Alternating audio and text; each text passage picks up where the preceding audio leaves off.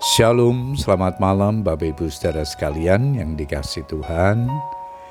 Kembali kita malam hari ini boleh datang kepada Tuhan untuk menaikkan ucapan syukur dan doa-doa kita kepada Tuhan. Namun sebelum berdoa, saya akan membagikan firman Tuhan yang malam ini diberikan tema visi dari Tuhan. Ayat mas kita di dalam dua Raja-Raja pasal 6 ayat yang ke-17, firman Tuhan berkata demikian, Ya Tuhan, bukalah kiranya matanya, supaya ia melihat. Maka Tuhan membuka mata bujang itu sehingga ia melihat. Tampaklah gunung itu penuh dengan kuda dan kereta berapi sekeliling Elisa.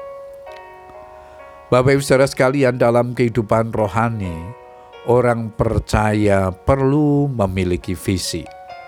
Jika tidak, maka perjalanan hidup kekristenannya akan tersendat-sendat, sulit mengalami pertumbuhan rohani yang maksimal. Visi merupakan penglihatan akan apa yang akan terjadi, baik itu peristiwa, perbuatan, atau tindakan karya maupun situasi atau keadaan lingkungan.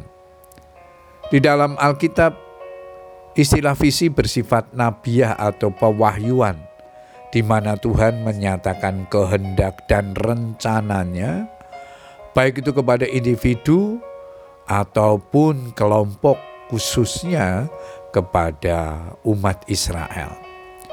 Dan Tuhan menyatakan visinya bisa melalui mimpi, penglihatan, atau juga melalui perantaraan nabi-nabi. Visi juga bisa diartikan pandangan rohani. Apa yang tidak, tidak dilihat orang lain, itulah yang diwahyukan Tuhan kepada kita. Dengan kata lain, kita melihat apa yang orang lain tidak lihat. Karena memiliki pandangan rohani, Nabi Elisa dapat melihat bala tentara surgawi dengan kuda dan kereta berapi yang jumlahnya lebih banyak dari antara Raja Aram. Berbeda dengan pelayan Elisa yang tidak memiliki pandangan rohani, sehingga ia sangat ketakutan ketika melihat tentara Aram telah mengepung kota Dotan. Karena itu Elisa berdoa supaya Tuhan membuka mata rohani bujangnya itu dan Tuhan pun mengabulkan doanya. Akhirnya pelayan Elisa pun dapat melihat bahwa gunung itu penuh dengan tentara surga berkuda dengan kereta api berapi mengelilingi Elisa.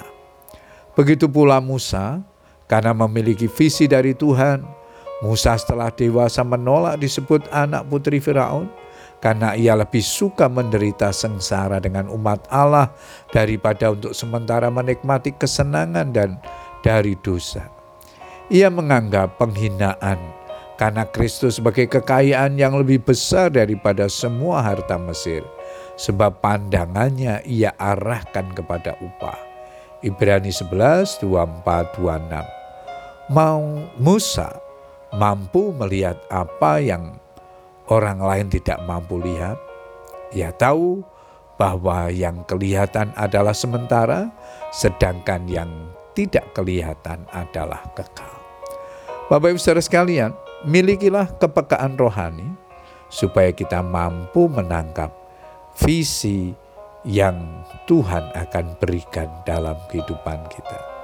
Puji Tuhan Bapak Ibu Saudara sekalian, dialah kebenaran firman Tuhan yang kita baca dan renungkan pada malam hari ini menolong kita memiliki kepekaan rohani dan melihat jauh ke depan rencana-rencana Allah dalam hidup kita.